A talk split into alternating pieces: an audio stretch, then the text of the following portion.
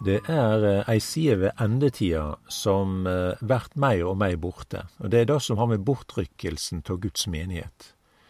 Vi sier i vedkjenninga i kyrkje og forsamlingar hver eneste veke at Jesus skal komme igjen, men endetida sine skildringar, den vert ikkje omtalt da.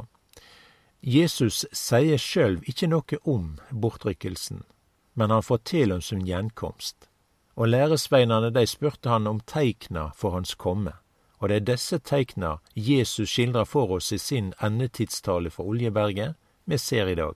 Vi ser alle teikna sånn, i nyhetsbildet, i media, i radio og, og fjernsyn og nettutgaver og det er reportasjer. Vi ser alle disse teikna, vi høyrer om dei, og mykje av dette her kjenner vi også på kroppen. Disse teikna har med naturen, med mennesket, nasjoner, det er krigens tegn, det er etniske grupper, det er hunger og jordskjelv. Vi ser på fikentreet, Israel. Det er lilleviseren på Guds store verdensur. Vi ser landet, vi ser folket og byen Jerusalem. Og snart vil en sjå at uh, folkets konge vil komme. Og jeg har lyst til å si det på den måten at det er en begivenhet som vil skje før Jesus kjem til Oljeberget, og det er bortrykkelsen av Guds menighet. Og jeg vil lese disse ordene her ifra Bibelen, eh, ifra første Tessalonikabrev, som nettopp skildrer bortrykkelsen. Eh, første Tessalonikabrev 4, altså vers 13. Men eh, vi vil ikke, brør, at det skal være uvitende om dei som er sovna inn, så dei ikkje skal sørga liksom dei andre, dei som ikkje eig von. For så sant vi trur at Jesus dødde og sto opp, så skal òg Gud ved Jesus føre også dei som er sovna inn saman med Han. For dette sier vi dykk med et ord av Herren, vi som lever og vert att til dess Herren kjem, skal så visst ikkje komme i førevegen for dei som er sovna inn. For Herren sjølv skal komme ned fra himmelen med et bydende rop og med overengels røst og med Guds basun, og de døde i Kristus skal først stå opp. Og deretter skal vi som lever som av vårt art, sammen med dei rykkes opp i skyene, opp i lufta, for å møte Herren, og så skal vi for alltid være sammen med Herren. Trøysta hverandre med disse orda. Her får vi da omtalt en begivenhet, som er en bortrykkelse av alle de som hører Jesus til.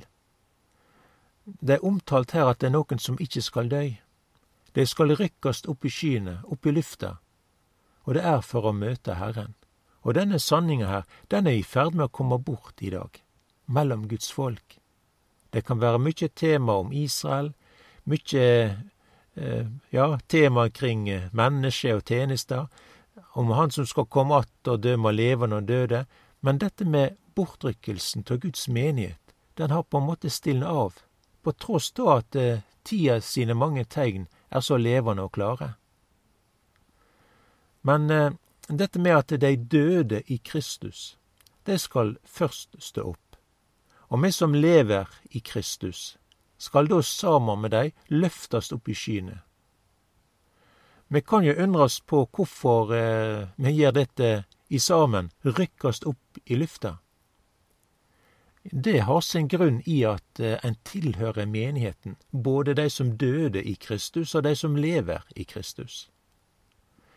Eh, vi kan òg lese her at Guds menighet er Kristi lekam. Vi er et legeme. Og eh, legeme, det er en samla enhet. Og det gjelder som sagt de døde i Kristus og de som lever i Kristus. Og her er det da noen mennesker som ikke vil sjå døden. Og Paulus, apostelen, skildrer dette. Første Korinterbrev 15 og vers 51. For sjå, eg seier dykk ein løgndom. Vi skal ikkje alle sovne inn, men vi skal alle verta omskapte. I et no, i en augneblink, ved den siste basunen. For basunen skal ljoma, og dei døde skal stå opp uforgjengeleg, og vi skal verta omskapte. For dette forgjengelige må verta kledd i uforgjengeligdom, og dette døyelige må verta kledd i udøyeligdom. Og Her omtaler da apostelen eh, at det skal lyde en basun, og ved den skal dei døde stå opp, og me skal alle verte omskapte. Og det forgjengelige skal verte kledd i uforgjengeligdom. Og denne basun her har ingenting med basun som da er omtalt i Johannes' åpenbaring. Og vi ser også at skildringene i første Tessalonikabrev 4 og første Korinterbrev 15 de er nokså like. Og her blir det også sagt at eh, av Paulus da, han til en hemmelighet. Og det betyr at her er det noe da som ikke har vært kjent før. En sier en hemmelighet. Vi skal ikke alle sovne inn, og søvn her, det betyr da i denne omtale døden. Det er noen som ikke skal dø, men verta omskapte. Og innholdet i dette med å verta omskapt, det har da med at det forgjengelige skal verta ikledd det uforgjengelige. Og det samsvarer også med ordene ifrå Filippabrevet 3.20. Vi kan lese det. Men vi har heimlandet vårt i himmelen. Og derifra venter vi òg eh, Herren Jesus Kristus som frelser. Han skal omskapa fornedringslekamen vår og gjøre han likt herligdomslekamen sin, ved den kraft han har til å legge alle ting under seg. Og når vi da leser disse ulike skildringene angående dette med bortrykkelsen, så er det noe som går att her. Det er noe som skjer plutselig. Det er ikke noe som blir framstilt på den måten at dette her er noe som alle ser eller kan betrakte, men det er noen som ingen kan sjå, bortsett fra de som er i Kristus. Og den som står utenfor Jesus da, og uten samfunnet med Han, den vil bare merke at det, det er noe som har skjedd. De kristne er borte. Det er slik at Guds menighet er borte. Og Bibelen taler også om eh, ja, Guds menighet da, som en lekam, eller et legeme. Så når Jesus henter menigheten, så er det lekamen han henter. Legemet blir borte. Og dette er Bibelens omtale, og det er òg mange forbilder i Bibelen eh, om dette her, da. Eh, det er jo ikke noe nytt at et eh, lekam blir borte. Eh, vi kan eh, lese her ifra Hebreabrevet 11. Det står det at eh, vers 5 Ved tru vart Enok bortrykt, så han ikke skulle sjå døden. Han vart ikke funnet, for Gud hadde rykt han bort. Før han ble bortrykt, fikk han det vitnemålet at Gud hadde hugnad i han. Så her leser vi noe som er typisk for Guds menighet og den enkelte kristne, og det samsvarer også med de orda som vi tidligere har lest. Dette at han ikke skal sjå døden, at han ble bortrykt. Her var det da noen som leita etter denne Enok, men han ble ikke funnet. Han fikk det vitnemålet at Gud hadde hugnad i han. Og Enok er et forbilde på bortrykkelsen til Guds menighet. Det er en person som vart borte, det er et legeme som vart borte. Og sånn taler også da Bibelen om menigheten.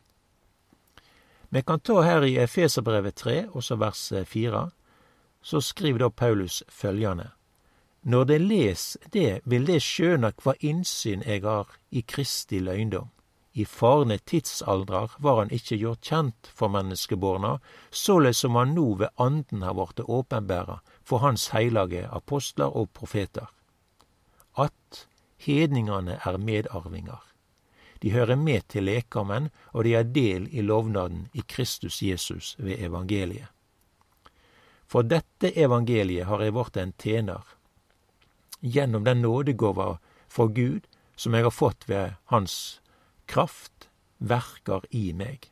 Eg, den minste av alle de heilage, har fått den nåde å forkynne hedningane evangeliet om den uransakelige rikdommen i Kristus, og opplyse alle om korleis husholdet er med denne løgndommen, som for evige tider har vært løgn i Gud, Han som skapte alt ved Jesus Kristus.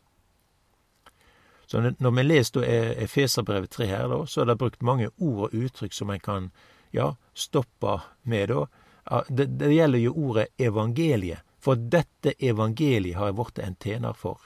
Og evangeliet, det har ei bestemt eh, sanning, eh, som det har vært streka under, da. Og det er at hedningene er medarvinger. Et evangelium har med den glade budskapen å gjøre. Og den som har fått denne oppgava å bære dette fram, er Paulus. Han omtaler dette som Kristi hemmelighet. Og dette er noe som Jesus sjøl ikke har fortalt til noen tidligere. Korkje Peter eller Matteus og Markus eller Johannes eller Lukas, men Paulus har fått denne nåde og denne oppgava å fortelle at hedningane er medarvinger. Det vil si, sånn som det har vært sagt her, de hører med til lekammen, og de har fått del i løftet ved evangeliet. Så her ser vi att dette her med en lekam. Og det er jo dette tema i Bibelen vår. Det har ikke vært oppe som sak før. Dette er nytt. Og den som er først her, i Paulus sine brev, så er det da dette temaet blir tatt fram. Vi finner ikke, og, og kan ikke sjå dette omtalt i salmene, i profetene eller i Moselova, eller i evangeliene men det er først i Paulus sine brev at dette blir tatt fram. Apostelen omtaler da dette som en hemmelighet. Det er en bortrykkelse. Det forgjengelige skal verte oppslukt av livet. Det skjer i et nu, i en augneblink. Og det gjelder også de som er døde i Kristus, så skal vi da sammen med dei løftes opp i skyene, opp i lufta. Dette er Guds menighet. Vi kan jo kanskje undres på hvem er det som er Guds menighet? Er det de døpte, eller de fromme, er det jøder, er det lederne, eller de vellykka? Bibelen forteller hvem som er Guds menighet, og det er de som hører Kristus til. Så det står her i første Korinterbrev 15, 23, men kvar i sin egen tidbolk. Kristus er førstegrøa. Deretter skal de som hører Kristus til, gjøres levende når han kjem, og deretter kjem enden, når han overgjev riket til Gud og Faderen, etter at han har gjort til inkje all makt og alt herredømme og velde. Så vi leser om de som har med tilhørigheten her. Hvem er Guds menighet? Jau, som vi leste, det er de som hører Jesus til. Og denne tilhørigheten får en ved å ta imot Jesus. Og alle de som tok imot han, de gav han rett til å verte Guds barn, de som tror på navnet hans. Så her er det et evangelie. Her er det noe som har med Kristi uransakelige rikdom. Her er det ein nåde. Her er det et budskap, og her er det ei side ved Guds frelse. Her er det noe som har med ringvirkningane av Guds verk, og det er at hedningane er medarvinger. Her er det noe som eh, plutselig kjem til å verta borte, på samme måte som Enok en gang vart borte og sånn vil Guds menighet verta borte. Lekammen, eller menigheten, det skal løftast bort. Og dette gjelder da alle de som hører Jesus til. Og denne begivenheten her, da er noe som kan skje hva tid som helst. Det er ingenting mellom denne dagen og denne begivenheten og det som har med at Jesus kjem da i lufthimmelen og henter menigheten. Det kan skje hva tid som helst, og Jesus han, han skildrer jo sin gjenkomst til Oljeberget. Han omtaler òg eh, mange tegn som skulle være et varsel for hans komme. Vi ser disse teikna i dag. Vi hører lyden av Jesu fottrinn, at han kjem. Og det forteller oss at Jesu komme til Oljeberget er veldig nære. Men da er det òg å streke under det er en begivenhet som er mykje nærare. Og det er det som har med bortrykkelsen av Guds menighet.